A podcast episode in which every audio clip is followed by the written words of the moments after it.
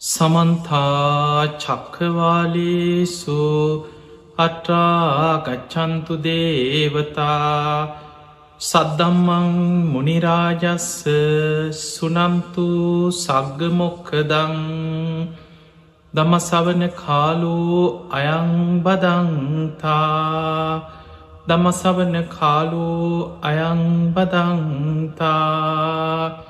තමසවන කාලෝ අයංබදන්තා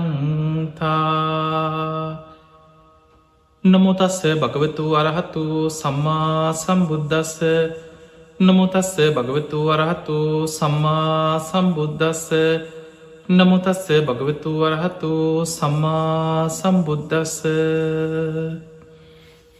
පිංහතුනේ අද මේ ධර්ම ශේෂනාවෙන් විශේෂෙන් ඔබට පෙන්නල දෙන්නේ අපි තුළ සේක බලධර්ම පිහිටවාගෙන ඒ සේක බලධර්ම බලවත් කර ගනිමි. අපි කොහොමද මරණාසන්න මොහොතක පරලවින් රැකවරණයක් පිණිස. සුගතියක හිත පිහිටවා ගන්න කියන කාරණය අද මේ ධර්ම දේශනාවද අපි විශේසිෙන් ඔබට පැහැදිලි කරලා දෙන. පිංහතුනේ අපි දන්නවා සෝවාන්ඩුණු.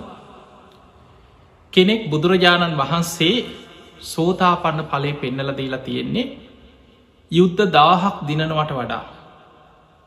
මේ ලෝකෙම අධිපති සක්විති රජ කෙනෙක් වෙලා උපදිනවටත් වඩා. දෙදෙව්ලෝට අධිපති සක්‍රදිවියන් වෙලා උපදිනවටත් වඩා. සෝතාපත්ති පලේ ශේෂ්ටයි කියල බුදුහාදුරුව පෙන්නු. එතකොට යම් කිසි කෙනෙක් සෝවානුනොත් ඒ කෙනා තවාත්ම හතක් උපදිනවා. නතේ බවන් අට්ටමං ආදියන්ති. අටවෙනි භවයකනං උපදින්නෑ කිය. හැබැයි උපරිම ආත්ම හතක් දක්වා යාගේ සංසාර ගමන උපදින්න පුළුවන්කම තියෙනවා. බොහෝ දුරට සෝවාන් වෙච්චාය මේ මනුස්සලෝක ආයමත් ඉපදිලා සෝතාපන්න කෙනෙක් හැටියට ආයමත් ඊළඟ ජීවිතේ මනුස්සලෝක ඉපදිච්ච සිදුවින් අපිට ධර්ම ක්‍රන්තවල හොයන්න අමාරු. ඒමනං අපිට පේනවා සෝවාන් වෙච්චායි බොහෝ දුරට දිවිය ලෝකවල ඉපදිලා ඉතිරි මාර්ග පලා අවබෝධ කරගෙන එහෙදිම පිරිනිවන් පාන. ඊළඟට යම් කිසි කෙනෙක් මේ ජීවිතයේ වීරිය වඩලා කාමරාග පටික සංයෝජන තුනී කරගෙන සකදාගාමී පලයට පත්වෙන. කෙනෙක් සකෘදාගාමී කියන මාර්ග පලය ලැබුවත් කාමලෝකෙක වතාවක් උපදින. එකැන දිවිය ලෝකෙක උපදිනවා. අපි හිතමු මේ ජීවිතයේ වීරිය වඩලා අනාගාමි වුනා කියලා එයා කාමරාග පටිග සංයෝජන සම්පූර්ණයෙන් ප්‍රහාණය කළ අනාගාමි වෙනවා. එයත් උපදිනවා. සුද්ධවාස බ්‍රහ්මලෝක ඉපදිලා එහෙදි පිරිනිවන් පාන. සුද්ධවාස බ්‍රහ්මලෝක පහක් බුදුරජාණන් වහන්සේ පෙන්නු අවිහ අතප්ප සුදස්ස සුදස්සී අකනිට. සමහර අනාගාමි වෙච්චාය උද්දන් සෝතු අකනිට්ට ගාමී කියල ධර්මී විස්තර කරනවා. ඒ අකනිටා බ්‍රහ්මලෝක පහේම ඉපදිලා සුද්ධවාස බ්‍රහ්මලෝක පහේම ඉපදිලා අකනිටා බඹලෝද පිරිනිවන් පාන. අවිහ අතප්ප සුදස්ස සුදස්සි අකනිට කියන තැන පිරිනිවන් පනුවර පහේම ඉපදිලා. එහෙමනම් මේ ජීවිතේම රහත් වෙලා පිරිනිවන් පාන්න පුළුවන්න්න එයාට දේවතාන උත්සතියක් අවශ්‍ය නෑ. සුගතියායි හිත පිහිටවන්න අවශ්‍ය වෙන්නේ. එයා මේ ජීවිතේම සම්පූර්ණයෙන් කෙලෙසුන් ප්‍රහාණය කළ පිරිනිවන් පාන දක්ෂ කෙනෙක් නම්. හැබැයි මේ දේශනාව අපි ඔබට කියලා දෙන්නේ අපි යන ගමනේ තැන් කෙනෙක් යානය අපිට ඕන මේ ජීවිතය රහත්වෙන් ඉති හොඳයි. පුළුවන්නම් මේ ජීවිතේ රහත් වෙලා පිරිනිවන් පාන කොච්චර දෙයක්ද. හැබැයි පිංහතුනේ අපි කවුරුත් දන්න ප්‍රායෝගික දේ බොහෝ දෙනෙ කනේ කොහොමරි මාර්ග පල් ලබන්න ඕන අනේ කොහොමරි සෝවාන්වත් එන්න ඕන කියකි හිටිය. හැබැයි බොහෝ දෙනෙකුට අඩුගානි සෝවාන්තියා සද්ධායවත් පිහිට ගණ්ඩ බැරුව. මරණ මංචක අපි දන්නේ නෑ කවදක් ඔත්තන මොනවිදියට කොහොම ඉස්සරවේ. සමහරලාවට අපි භාවනා කරගෙන යන අතරතුර මරණ ඉස්සර වෙන්න පුළුවන්. එක්ක හදිසියේ පපු අමාරුවක් හැදිල මැරෙන්න්න පුළුවන් මොකක් හරි වසංගත රෝගයක් හැදෙන්න්න පුළුව අනතුරකින් මැරෙන්න්න පුළුවන් අපි දන්නේ නෑ මොන වගේ කොහොම මැරෙන්න්න තියෙනවද කියලා. ඒ නිසා ධර්මමාර්ග යන කෙනා පරලවින් රැකවරණයක් පිණිස තමන්ගේ ජීවිතය ධර්මානුකූල සැලසුමක් තුළ සැලසුම් කරගත යුතුය. අන්නේ නිසයි බුදුරජාණන් වහන්සේ දේවතානුස්සති වගේ භාවනාවක් අපිට පෙන්වේ. සුගතියක හිත පිහිටවන් මේ දේවතානුස්සති භාවනාවමේ අපි හදපු එකක්කත්. පස්සෙ කාලෙ කවුරු හරි හාමුදුරුවරු මේ හදල අලුතෙන් හදපු එකක් නෙමේ. බුද්ධ දේශනාව බුදුරජාණන් වහන්සේව පෙන්නල තියෙනවා බුදු හාදුරුවන්ගේ ශ්‍රාවකයන් අනුස්සති භාවනා හයක් නිරන්තරයෙන් පුරුදු කරන. නිතර බුදුගුණ සිහිකර කර බුද්ධානුස්සතිය වඩන. නිතර ධර්මය ගුණ සිහිකර කර දම්මානුස්සතිය වඩනවා. නිතර ශාවක සංඝ්‍යාව ගුණවසයෙන් සිහිකරමින් සංගානුස්සතිය වඩනවා. ඒවගේම තමන්ගේ සීලාදී ගුණධර්ම නිතර නිතර මෙනෙහි කරමින් සීලානුස්සතිය වඩනවා. තමන් තුළ තියෙන අතහැරීම ත්‍යාග සම්පත්තිය දන්දීම මසුරු ලෝභ නැතිකම ඒවා සිහි කර කර ත්‍යාගානුස්සතිය භාවනාවක් වසින් වඩ. ඊළඟට බුදු හාමුදුරුව පෙන්නවා උන්වහන්සගේ ශ්‍රාවකයා පරලවින් රැකවරණයක් පිණිස තමන් තුළ ඇතිකරගෙන තියෙන සද්ධහා සීල සුත ත්‍යාග ප්‍රඥාදිය සිහි කරලා. සුගතියක දිව්‍ය තලයක තමන්ට ඊළඟ ජීවිතයේ ධර්මය අවබෝධ කරන්න පුළුවන් මේ ජීවිතයේ යම් ප්‍රමාණයකට අපි වැඩුවද අඩුගාන මාර්ගඵලයක් හරි ලැබුවද එතනින් එහා ඉක්මනින් ඉතිරි ධර්මාවබෝධය කරා යන්න පුළුවන්. කල්්‍යයාන මිට්ට පරිසරයක් ඇති ධර්මය දියුණු කරගන්න පුළුවන් සුගති සහිත තැනක හිත පිහිටෝන් ඒක තමයි දේවතානුස්සති කියන භාවනාවෙන් බුදු හාන්දුරපෙන් භාවනාවක් හැටියට තමන්ගේ ගුණධර්ම සිහි කරලා දිවිය ලෝකෙක හිත පිහිටෝන හැටි ධර්මය උගන්නන ඒ නිසා පිංහතුනේ අපි පැහැදිලිව මේ දේවතානුස්සතිය කියන්නේ මොකක්ද? ඇයි අපි සුගතියක හිත පිහිටවන්න ඕනේ? සාමාන්‍යෙන් පිනක් බලවත් වෙලා සුගතියක යන එකත් දේවතානුස්සතිය වඩල සුගති යන එකෙත් තියෙන වෙනසමොකක්ද වටිනාක මොකක්ද? අන්නේ කාරණය අපි නිරවුල්ල පැහැදිලි කරගත්තොත් බොහෝ දෙනෙකුට මේ සුගතිය ගැන ප්‍රශ්න උපදින්න නෑ දැන් අපි ගමු. විමානවත්තු. ඔබහල ඇති බුද්ධ දේශන අතර තියෙන පේතවත්තු විමානවත්තු කියල ධර්ම ග්‍රන්ථයක් පේතවත්වේ සඳහන් වෙලා තියෙන්නේ අකුසල් කරලා පව්කං කරලා පංච දුෂ්චරිතයේදිලා. ඒ අකුසල් බලවත් වෙලා මරණින් මත්තෙ ප්‍රේතලෝක ඉපදිච්ච ප්‍රේතයන්ගේ ජීවිත කතා. ඒක ධර්මය තියෙන පේතවත්තු කියන කොටසේ. ඊළඟට විමානවත්තු කියලා කියන්නේ මනුස්සලෝක ඉන්න ඇද්දී දන්දීලා පින්කං කරලා සිල් රැකලා මරණාසන්න මොහොතේ දීපු දානමී පිනක් බලවත්වෙන. සමහරු කියනවා මට මැරෙනකොට මං බත් හැන්දක් දන් දුන්න.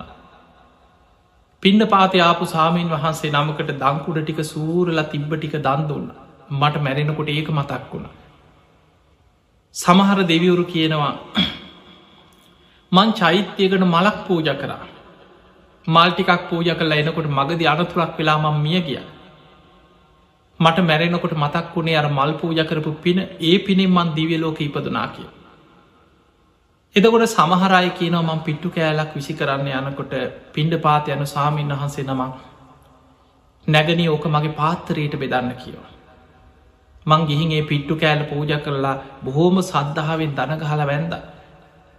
මට මැරෙනකොට ඒ පින මතක් පුඩා කිය. එතකොට ඔය වගේ දානි හැන්දක් දීලා එක්ක මොනොහරි මල්ටිකක් පූජ කරලා ස්වාමීන් සහන්සේ ළමකට ආසනයක් පනවල චෛත්‍යයක් වැඳල මොකක් හරි පිනක්. මරණ මංචකේ බලවත් වෙලා අකුසල් යටපත් වෙලා ඒ පිනෙක් සුකතියන ඒවට ධර්මය කෙනවා ආසන්න කුසල් කියලා. එහෙම සුගතියගේ සිදුවීන් ගොඩාක් සිදුවීන් ගැන සඳහන් වෙන විමානවත්ව හැබැයි මතකතියාගන්න පෙර පිනක් බලවත් වෙලා දානයක් දීපු එකක් වෙන්න පුළුවන් මොකක් හරි පිනක් ඒ මොහොතට බලවත් වෙලා අපි හිතම කවුරු හරි පණයන් එන්නකොට කීප දෙනෙක් ඇවිල පිරිත් කියනවා. බුදුගුණ සිහි කරලා දෙනවා ඒ වෙලාවට අනේ සාදු සාදු කියලා ඒ බුදුගුණ මනසිකාරය හිත පිහිටවල සුගති යනවා. හැබැයි මතක තියාගන්න එහෙම සුගතිය ගිය කෙනා ඒ දිවිය සැප සම්පත් විඳලා පිනගෙවිල් අවසන් වෙන තැන ආයමත් පහලට වැටෙන. පහලට වැටෙන්න තියෙන ඉඩකඩ වැඩි.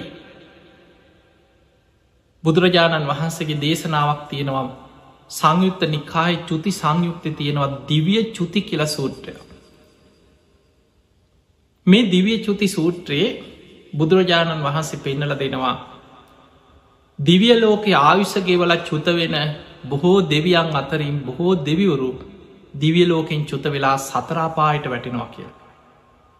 එහම නං අපිට පේනවා දිවිය ලෝකෙ කියන්නේ අපිට සම්පූරණ පරලව ආරක්ෂිත තැනක් නෙමේ. දිවි ආවිස ගෙවිල අවසන් වෙලා චුත වෙන දෙවියන් අතර බොහෝ දෙවරු සතරාපායට වැටෙනවා. ඒක ධර්මී සඳහන් වෙනවා දිවිය චුති සූත්‍රය.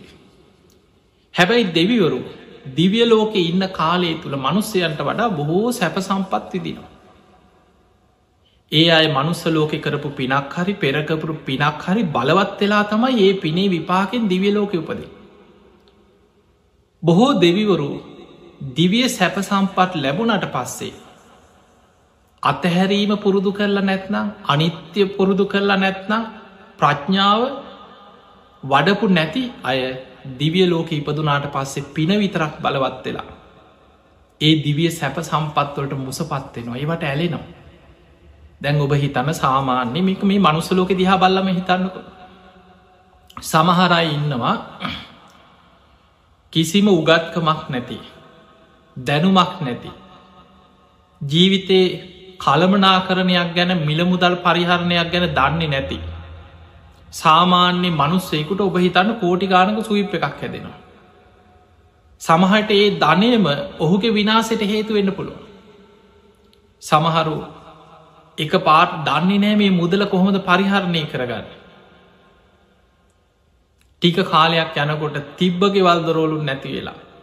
සමහරු එක පාට ලොකු ගෙවල් ගන්නවා විශාල වාහන ගන්නවා යාලුව නෑදෑ එකතු කරගෙන කකා බිබී පාටි දදා විනෝද වෙවී ජීවත්වෙනවා අර මුදල් ටික ඉක්මනින් විනාස කරගෙන අවසානයේ ණය වෙලා තිබ්බ ගෙවල් දොරෝලුත් නැති වෙලා ඉඩකඩනුන් නැති වෙලා මහපාරට හිඟමනට වැටිච්ච මිනිස්සු ගැන බහල ඇති. ඇයි කළබනා කරණයක් නෑ බුද්ධියක් නෑ ජීවිතයේ සැලසුම් කරගන්න දන්නේ නෑ ලැබිච්ච දේට මුසපත්වෙන. ඒ වගේ බුදුහාන්දුරුවන්ගේ ධර්මය පෙන්නනවා සමහර අය පෙරපින මතුවෙලා දිවියලෝක යන.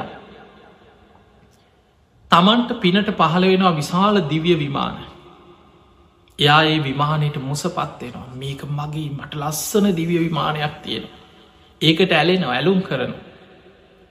තමන්ට දිවිය රත්ත දිවිය සලු පිළි දිවිය සැප සම්පත් මේවා ලැබෙනකොට සාමාන්‍යෙන් මාන්‍යෙන් ඒවට මුසපත්වෙලා මේවා මම මගේ මට ලැබෙනවා කියලා ඒව තුළ උපාදාන කරගෙන ඒවෑම ඇලී ගැලී ප්‍රමාද වෙවීන්න. විනෝද වෙනවා සතුටු වෙනවා දිවිය සැප සම්පත් විඳ විඳ ප්‍රමාද වෙවීදලා ඒ පින කෙවිලා අවසන් වෙනකොට ඒව අතහරින්න වෙනවා. සදාකාලික දෙයක් නෙමේ.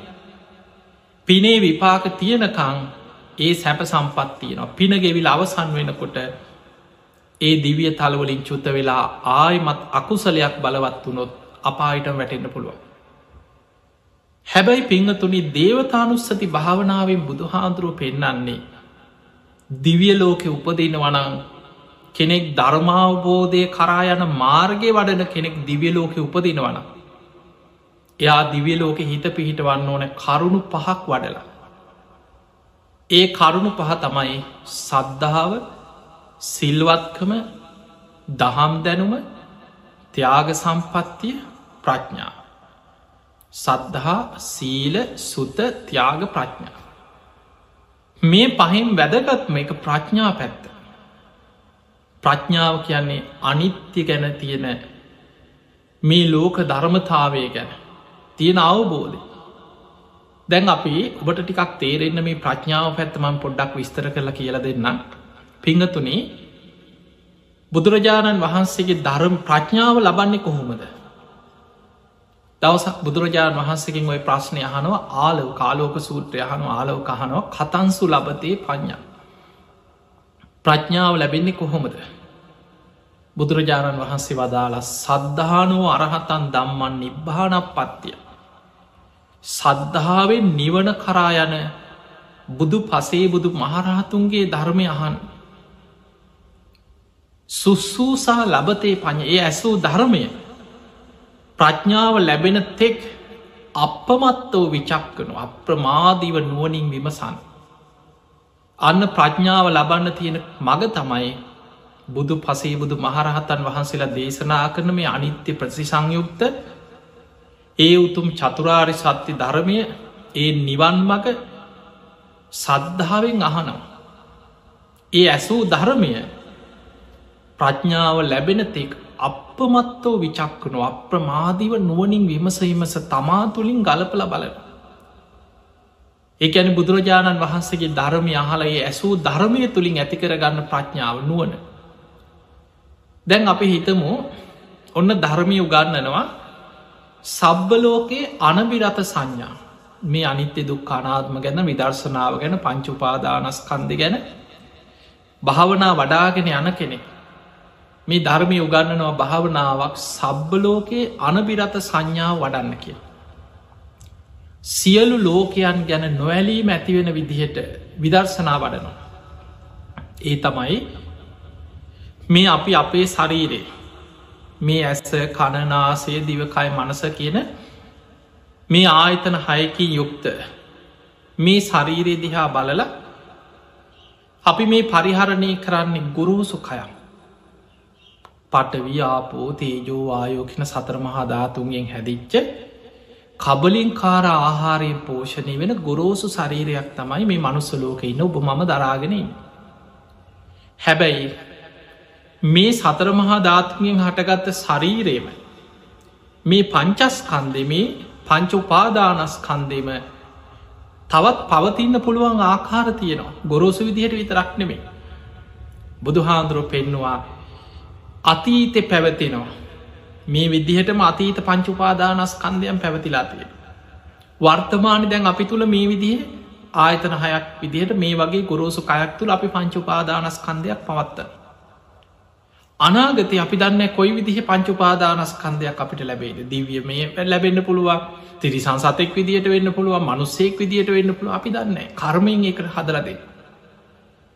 එතකොට අතීත අනාගත වර්තමාන ඊළඟට තමා තුළ පවතින තමාගෙන් බාහිර පවතින්. හීනයයි සම්මත.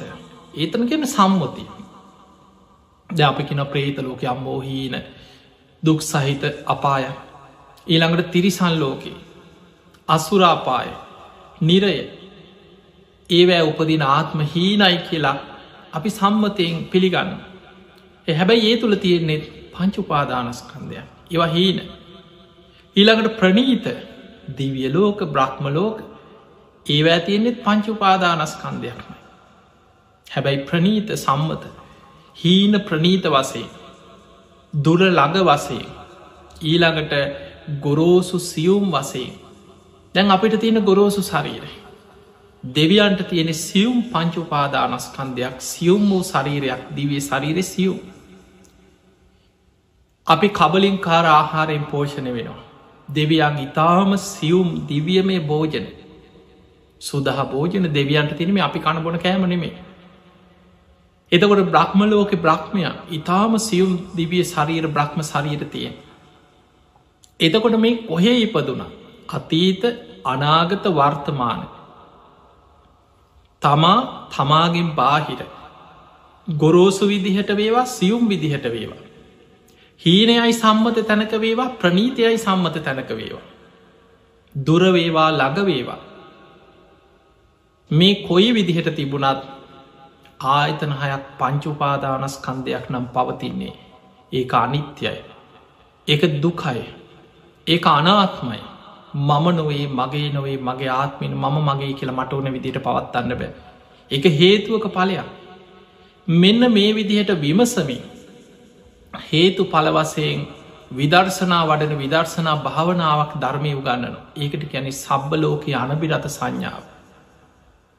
පිංහතුනේ පංච උපාදානස්කන්දය ගැන පටිච්ච සම්පාදි හැදෙන ආකාරය ගැන මේ ආයතන හය ගැන සියලු ලෝකයන්ගේ නොවැලීම ඇතිවෙන විදර්ශනා භාවනාවක් වඩපු කෙනෙ.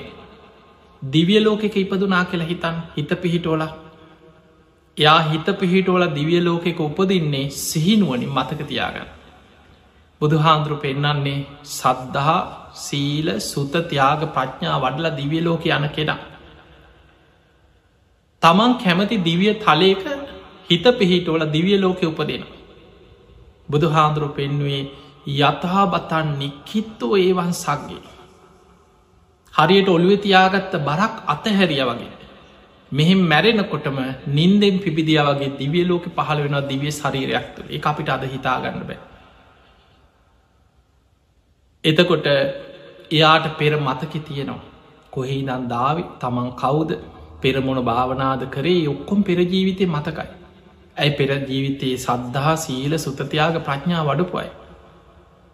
ඒ අයට සමහරයට බණපද ඇහෙනකොට මතක්කින පෙරජීවිතයේ භාවනා කරපු භාවනාවල් පවා. බුදුරජාණන් වහන්සේ ලස්සන උපමාවලට පෙන්න්න බුදු හාදුරු පෙන්න්න මහනෙන කැලේ අතරමං වෙච්ච කෙනෙකුට ඈතින් බෙරහඬක් ඇහෙන. එයාට බෙරහඬ ඇහෙනකොටම යා අඳුන ගන්න අන්න බෙරහඬක් එනම් මේ ළඟ ගමක් තියෙන මං අහල පුරුදු හඬක් කියලා අඳුන ගන්න.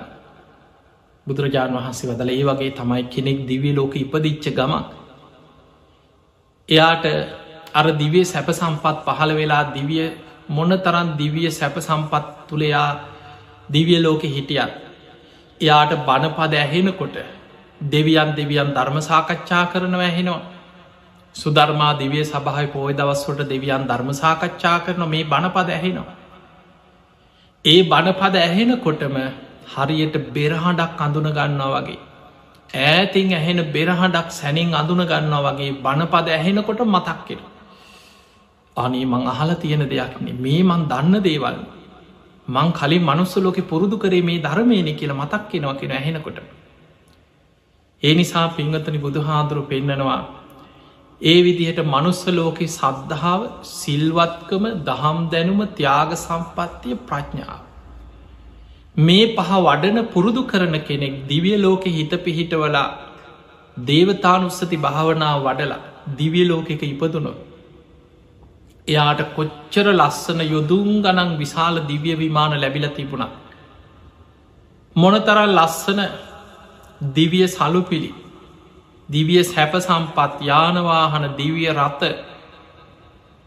කොච්චර ලස්සන දිව්‍යාංගනාව දිවිය සේනාවන් තමන්ට පිනට පහළ වෙලා තිබුණත් එයා ඒවට ඇලෙන්නේ මුසපත් දෙන්නේ. එයා දන්නවා මේකත් හේතුවක පලයක්. මේ සියල් අනිත්‍යයි.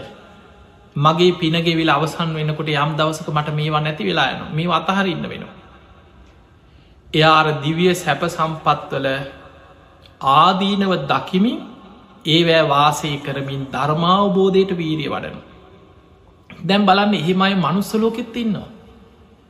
බුදුරජාණන් වහන්සේ දේශනා කන මහනෙන සමහර පෙර පින් ඇති පෙර සසරේ පාර පාරමී කියන මේවා සද්ධහ දැම් බලන්න දාන පාරමී.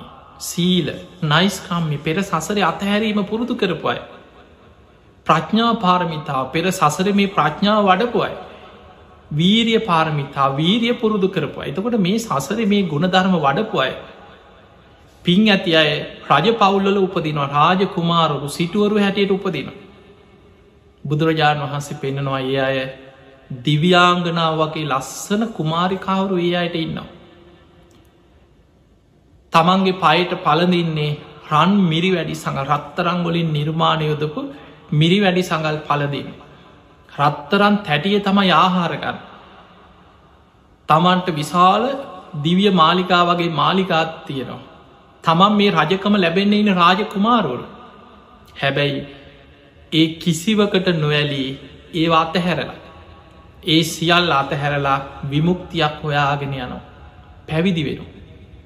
පැවිදි වෙලා තුන් සිවුරෙන් පාත්තරයක් කරගෙන කුටියක වැඩ සිටිමින් කැලේක ගහක් යට වැඩ සිටිමින් භාවනා කරනවා නිවන් දකින්න වීරී වඩන.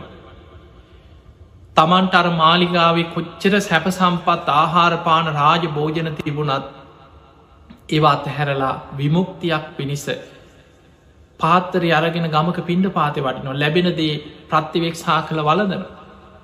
එතකොට බලන්න මේ වගේ මනුස්ස ලෝකෙත් මොන තරන් සැප සම්පත් පහළ වනත් ඒවට නොවැලි ඒවයි කැලෙන්නේ ගැටෙන්නේ නැතුව ඒවැ ආදීනව දකිමින් ඒ කාමයන් පවා අතහරිමින් විමුක්තිය කරායන අය මනුස්ස ලෝකෙත් ඉන්නවා. ඒ ගුණධර්මම වඩලා සද්ධා සීල සුතතියාග ප්‍රඥා වඩල දිවිය ලෝක ඉපදනොත් ඒ අයි දිවිය ලෝකෙත් මොන සැප සම්පත් ලැබුණත් මොන තරන් දිවිය විමාන දිවිය සැප සම්පත් පහළ වනත් ඒවට මුසපත් වෙලා නොමග යන්නෑ කියල බුදු හාදුරු පෙන්නවා. මහනෙන ඒ අය ධර්මාවබෝධය පැත්තට යොමු වෙනවා. කල්්‍යයාන මිට ආශ්‍රයට යොමු වෙනවා සද්ධර්මශ්‍රවනයට යොමු වෙනවා. දිවිය සැප සම්පන් නිසා නොමග යන්නේ මුලාවෙන්නේ මුසපත්වෙන්න නෑ කියල බුද්ධ දේශනාය පෙන්නන.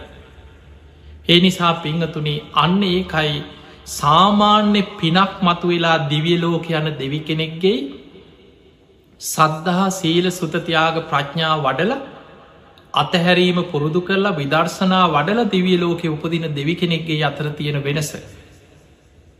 පිංහතුනී දෙවියන් කියන්නේ දිවිය දැම්මේ ඔබ බලන්න අපේ බුදුරජාණන් වහන්සේ පහළ වෙලා ලෝකයට දහම් දෙසනකොට. උන්වහන්සේගේ බණහල වැඩිපුරම නිවන් අවබෝධ කරේ මනුස්සයන් නෙමෙයි දෙවිවරු.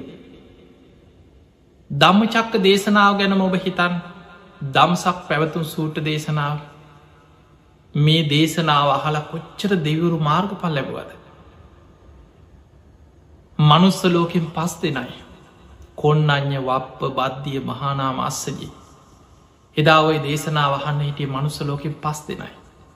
හැබැයි දෙවියන් අතරින් දහාට කෝටියක් දෙවියම් මාර්ගපල් ලැබවා කියලා දේශනාව අට්ට කතාව සඳහන් වෙන. බුදුරජාණන් වහන්සේක දේශනාව කරනකොට මනුස්ස ලෝක එක්කෙනෙක් ධර්මය අවබෝධ කරනකොට දෙවියන් අතරින් දස දහස් සංඛ්‍යාත දීවරු මාර්ග පල් ලබන. ඒ නිසා පිංහතුනේ මේ ධර්මය දැන් ධර්මය සඳහන් වෙනවා ඔබ දන්නවා සක්‍ර දෙවියෝ. දෙදෙව්ලෝට අධිපති සක්‍ර දෙවියෝ සෝවාන් විච්ච කෙනෙක් පෘතජ්ජනයෙක් නෙමේ. දීගනිකායි සඳහන් වෙනවා ජනවසභ කියල සූට්‍ර ජනවසභ කියන්න බිම්බිසා රජ්ජුරු. මරණයට පත්වෙලා ජනවසභ නමින් දිවිය ලෝක ඉපදුනා. මේ ජනවසභ දේශනාව සඳහන් වෙනවා සතර පෝයටම දෙවිවරු සුධර්මා දිවිය සභාවට එකතු වෙනවා බණහන. ධර්ම සාකච්ඡා කරනවා බනාහනවා මනුස්ස ලෝකෙ වේවා කෙරෙන පින්කං ගැන සාකච්ඡා කර කර දෙවරු සාධකාරදිදී ඒ පින් අනුමෝදන් වෙනවා කියන. ඊළඟට පසලොස්සක පෝය දවසට විශේසිෙන් සුධර්මා දිවි සභාවට අනාගාමි වෙච්ච දෙවියරු උපදින සුද්ධවාස බඹලව ඉඳං සනන්ත් කුමාර කියන බ්‍රහ්ම දෙවියන් දිවිය ලෝකෙට ඇවිල්ල දෙවියන්ට දහම් දෙසනවා.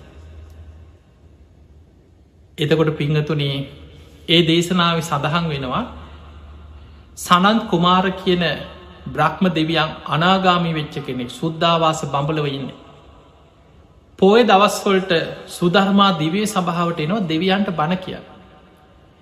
ඒ බණහන්න එකතු වෙන දෙවියන් අතරින් ජනවසප දෙවියන් කියන්න බිම්බිසා රජ්ජුරු දිවිය ලෝක ඉපදුනේ ජනවසපටම මේ ජනවසප දෙවියන් බුදු හාමුදුරු ඉදිරී පෙනීදල කෙන ස්වාමීණී භාකතුන් වහන්ස දිවිය ලෝකෙ බණහන්න එකතු වෙන දෙවුරු අතරින් අනෙක් සියලු දෙවියන්ට වඩා සද්ධහා සීල සුත ත්‍යාග ප්‍රඥා වඩලා සේක බල දියුණු කරගෙන දිවිය ලෝක ආපු දෙවිවරු අනෙක් සියලු දෙවියන්ට වඩා ආයුෂයෙන් වරණයෙන් දිවිය තේජසින් දිවිය බල පරාක්‍රමයෙන් අනෙක් සියලු දෙන අභිබවාගෙන බැබලෙනවා කිය. ඒ නිසා මතකතියාගන්න දිවිය ලෝකෙ ධර්මය කතා කරෙනවා. දෙවුරු ධර්ම සාකච්ඡා කරනවා. මාර්ග පල්ලාබී දෙවුරු අදත් ඒ දිවිය ලෝකොල් වැඩ සිටිනවා. ඒ නිසා මේ ධර්මය වඩාගෙන ධර්මාවබෝධයට යන ගමනේ පරලොවින් රැකවරණයක් පිණිස සුගතියක හිත පිහිටවාගෙන මේ ධර්මාවබෝධය කරා යන ගමනක වටිනාකම බුදුරජාණන් වහන්සේගේ දේශනාවලින් අපිට පැහැදිලිය පේනවා. කොහොමද අපි දේවතානුස්සතිය වඩන්න. දේවතානුස්සතිය වඩන්න නම් කරුණු පහක් තමන් තුළ තියෙන්නවා. ඒ කරුණු පහට කියන්නේ සේක බල ඊළඟට මතක තියාගන්න ඒ සේක බල ධර්මම තමයි මාර්ග පල් ලබන්න නිවන් දකින්න උපකාරවේ. සේක කියලා කියන්නේ ධර්මමාර්ගය වඩන කෙනා. ධර්මාවබෝධය පිණිස මාර්ග වඩාගෙන යන කෙනාටිකි නො සේක. සද්ධානු සාරීකි නාටිකි නො සේක. දම්මානු සාරිකි නාටිකි නො සේක. සුවාන් පලට පත්වෙච්ච කෙනාටිකි නො සේක. ඊළඟට සකදාගාමි මාර්ගය වඩන කෙනාටත් කින සේක සකදාගාමි පලට පත්වෙච්ච කෙනාටත් කියෙන සේක. අනාගාමි මාර්ගය වඩන කෙනාටත් කියන සේක. අනාගාමි පලට පත්වෙච්ච කෙනාටත් කියෙන සේක. අරහත්වය පිණිස මාර්ගය වඩන කෙනත් සේක. හැබැයි පිංහතුනි රහතන් වහන්සේලා ගැන විතරක් ධර්මය හඳුන්නනවා අසේක ඒ අයි හික්මිලා ඉවරයි. ඒ අයි මේ මාර්ගය වඩලා ඉවරයි. මාර්ග ගමන් කළ අවසාන ඒ නිසාකින අසේක කියල. එහෙම නං සේක කියන්නේ අරහත්තය පිණිස මාර්ගය වඩන කෙනෙක්. තමන්ගේ ජීවිතය තුළ ඇතිකරගත්ත යුතු බලධර්ම ටික තමයි සේක බල. ඒ පළවෙනි එක තමයි සද්ධාව. සද්ධාව කියන්නේ සද්දෝ හෝති සද්ධාති තතාගතස්ස බෝධි. බුදුරජාණන් වහන්සේගේ අවබෝධය ගැන ඇතිකරගන්න පැහැදීම සද්ධාවයි. බුදු හාන්දුරන්ගේ අවබෝධය ගැන නම් පැහැදීම ඇතිවෙන්නට ඕනෑ අවබෝධ කරගත් ධර්මය තමයි අවුරුදු හතරිස් පහක් පුරාම ලෝකෙට දේශනා කරේ. අන්නේ බුද්ධ වචනය ගැන ධර්මය ගැන නිරවුල් පැහැදිලි දැනුමක් තියෙන් ඕන සද්ධහා උපදී. ඔබට මතක ඇති වක්කලි හාදුරට බුදුරජාණන් වහන්සේ දේශනා කරා වක්කලේ යෝ දම්මම් පස්සති සෝමම් පස්සක ඔබ ධර්මය දකිින්. එතකොට ඔබට ධර්මීන් බුදු හාදුරන් අඳුන ගන්න පුළුවන් හරියට බුදුන් දකිනවනන් ධර්මය දකින්න කිය. එහෙමනම් බුදුරජාණන් වහන්සේ ගැන සද්ධාව බලවත් ඇතිවෙනවා කියන්නේ එයා ධර්මය මඳුනගත්ත ධර්මයම දකින කෙනෙ ධර්මය ගැඹුරින් වටහාගත්ත නිරවුල්ල ධර්මය තේරුම් ගත්ත කෙනෙ. ඒ විදිහට අවබෝධයෙන් යුක්තව ධර්මය ගැන බුදුහාන්දුරුව ගැන තුනුරුවන් ගැන සද්ධාවක් ඔබ තුළ පිහිටල තියෙනවා නම් ඒක දන්න ඔබ. මේක ලෝකෙට පේන්න බොරුවට බුදුන් අදිනේවා මිනිස්සුන්ට පේන්න සාධකාරදිදී මිනිස්සු ඉදිරියේ රඟපානේවා. සමහරයි ඉන්න එහෙම. මේ බුදුන් අදින මේ බැන බැනය මේ පින්කං කරන ආපස්සට කරපු පින්කං ගැන කිය කියා බනින අපි මෙච්චර කරා කෝ අපිට? කෝ අපිට පිහිට වනා කියකි ඒ නිසා පිංහතුනී සද්ධාව කියන්න අවබෝධයෙන් පිහිටන දෙයක්. අන්නේ අවබෝධයෙන් තුනුරුවන් ගැන සද්ධාව ඇතිවෙන්නට ඕනේ. ඊළඟට සිල්වත්කම. ඒක හරද සාක්ෂියට එකඟව ඇතිවන සීලයක්. නිති පන්සිල් රකින්න පෝහිට පෝ සතේ රකින්න. මේ සංසාර ගමනින් මිදන්න භයානක සසර ගමනින් මිදන්න මග පෙන්න්නන මගේ එකම ගුරුවරයා ශාස්තෘන් වහන්සේ හැටියට මං බුදු හාදුරංග පිළිගන්නවා කියන තැනට ඇවිල්ල සද්ධාව ඇති කරගන්න. ඒ වෙනුවෙන් සිල් රකින්න. මේ ලෝකෙට බයවත් කවුරුත් දඩුවන් කරයි කියලා මිනිස්සු නින්දා කරයි කියලා සමාජ අපවාදයකට බයි මේ බොරුවට සිල් රකින්න එකක් නෙමේ ඇත්තට මොබ සිල් රකින්න ඕනෑ සසර ගමනින් මිදන්න නිවන් අවබෝධය පිණිස. සීලේ තමයි සමාධයට අනුග්‍රහ කරන්න. ඒක කල්්‍යයාන ධර්මය සීල සමාධි ප්‍රඥා ආදි කල්්‍යයාන මජ්්‍යයේ කල්්‍යයාන පරියෝසාන කල්්‍යයාන මේ නිවන් මගම පිහිටල තියෙන්නේ සීලය තුළ බුදුරජාණන් වහන්සේ පහාරාධ සූට්ට පෙන්නවා මගේ බුද්ධ ශාසනය කියන මහා සාගරයේ වගේන ඒ සාගරයේ තියෙන සීමාව තමයි වෙරල මේ බුද්ධ ශාසනයේ වෙරල සීමාව තමයිකිව සීලේ සීලේක පිහිටපු කෙනාට මයිකව බුද්ධ ශාසනී ප්‍රතිඵල ගන්න පුළුවන්. ඒ කියන අර වෙරල ඉක්මවාගෙනයි මුහොදට යන්තිය. අපිට මේ ධර්මමාර්ගයේ තුළ බුද්ධ ශාසනය ප්‍රයෝජනයක් ප්‍රතිඵලයක් ගන්න අවශ්‍යන ඔබේ කාන්තින් සීලේක පිහිටපු කෙනෙක් බවට පත්තේ. ඒ තුළමයි ඔබට ප්‍රතිඵලය ලබන්න පුළුවන්කම තිය. ඒ නිසා ඔබේ හිතට එකඟ අවංක සීලයක් ඇති කෙනෙක් බවට පත්වේ. සද්ධාව සිල්වත්කම. තුන්ගෙන එක සුත සුත කියන්නේ දහම් දැනුම් නිතර බණහන්න බණපොත්පත් කියවත් ධර්මයට ආස කරන්න දම්ම කාමෝ බවන් හෝති. ධර්මයට කැමති කෙනෙක් වෙන්න. සත්තිස් බෝධි පාක්ෂික ධර්ම මේ සූට දේශන අසූ හාර දහසක ධර්මස්කන්දි. බොහෝම ගෞරවෙන් මේ ධර්මයට ගරු කරමින් ධර්ම ඉගෙන ගන්න. ඊළඟට ත්‍යාග සම්පත්ති අතහැරීම පින අවශ්‍යයි. පුඤ්ඥානි පරලෝකස්මින් පතිට්ටාවොන්ති පානින. පරලෝ පිහිට පිරිස පවතින්නේ අපි රැස් කරගන්න පින. ඒ නිසා පුළුවන් තරන් අතහැරීම පුරුදු කරගන්න දන් දෙන්න නැති බැරි අයට පිහිටවෙන්න අනුන්ට උදව්පකාර කරන්න මේ ගුණධර්ම තමන්ගේ ජීවිතය තුළ ඇතිකරගන්න දක්ෂවෙන. සද්ධහා සීල සුත ත්‍යාග සම්පත්ති අතහැරීම ත්‍යාගේ ඊළඟට ගොඩාක් වැදගත් පිම්පොත ඔබහල ඇති.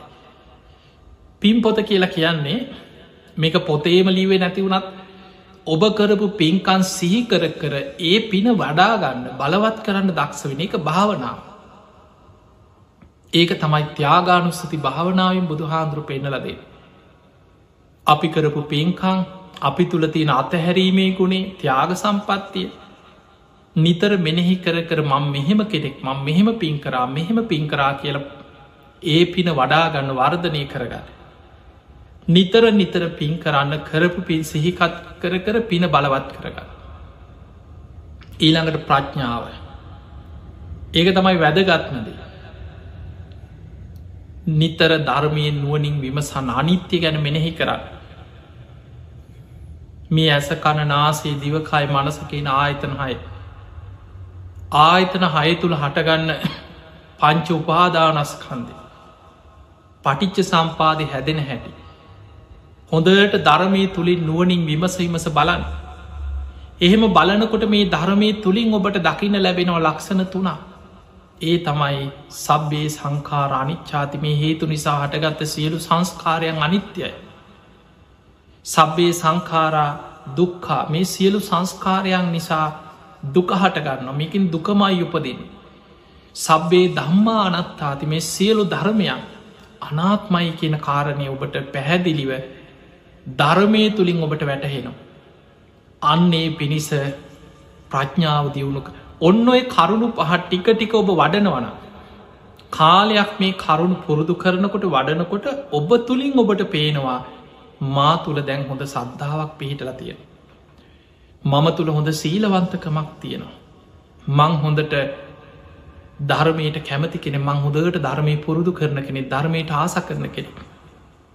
මං හොදට පින්කර ගත්ත කෙනෙ මං ඇතහැරීම පුරුදු කරන කෙනෙ. ඊළඟට මා තුළ ප්‍රඥාව තියෙනවා මන් ධර්මාවබෝධයට මහන්සිගන්න. මේ කරුණු පහ තමන් තුළ තියෙනවා කියලා තමන් හොඳට දකිනවනං ඒ කරුණු පහ මෙනෙහි කරමින් තමන් කැමති සුගතියක් අරමුණු කරගෙන හිත පිහිටවන්න කිය. හැබැයි මතක තියාගන්න මං ඔබට නැවත නැවත මේ පැහැදිලි කරලා දෙන්නේ අපි සුගතියේ හිත පිහිටවන්නේ එහි දිවිය සැප සම්පත් විඳන්න හිතාගෙන නෙමේ. දිවිය ලෝකෙ තමයි එකම නිවන කියලා හිතාගෙන නෙමේ. අපි සුගතියේ හිත පිහිටවන්නේ පරලොවෙන් රැකවරණයක් පිණිස. මේ ජීවිතයේ කවදක් ඔත්තන කොයි මොහොතේ හරි අපි මරණය ඉස්සර වෙලා ධර්මාවබෝධයට පෙර මරණය ඉස්සර වුණු.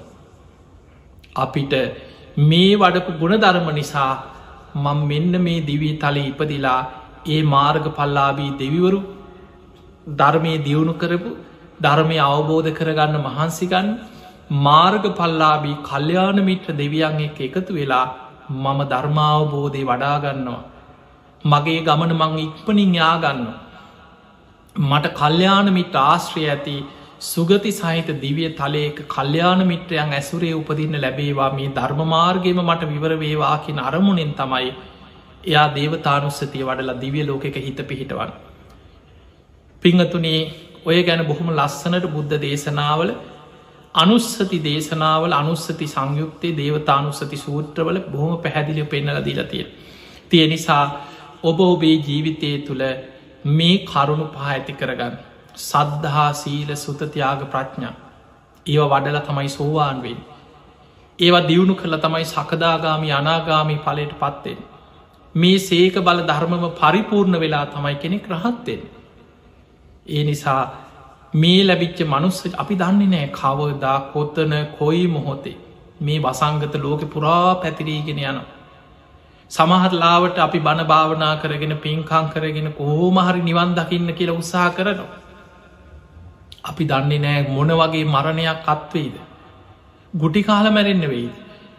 මහපාරි මැරෙන්න්න වෙයිද. හදිසියේ සීකල්පනාව නැතුව මොලේට හානියක් වෙලා ඇක්සිඩන්ට එහෙකි මැසින් එහෙක කාලයක් ඉදල අපි දන්නේ නෑ කොයි වගේ මරණයක් කුරුම වේ. ඒ නිසා ජීවිතයේ තමන් පරලවෙන් රැකවරණයක් පිණිස සුගතියක හිත පිහිටවාගෙන මේ ධර්ම මාර්ග වඩාගන්න ඒ පිණිසයි බුදු හාන්දුරු මේ වගේ දේශනාපිට පෙන්නල දීලතිය ති ඔබ හැම දෙනාට මද මේ ධර්මාණු ශාසනාව දේවතානුස්සතිය ගැන පරලවින් රැකවරණයක් පිණිස ධර්ම මාර්ග දියුණු කිරීම ගැන. අද මේ සිදුකරපු ධර්මාණු ශාසනාව හැම දෙනාටම නිවන්න අවබෝධය පිණිසම මාර්ග පලාවබෝධය පිණිසම ආශිර්වාදයක් පාරමිතාවක් වේවා කියලපි ආශිර්වාද කරනවා.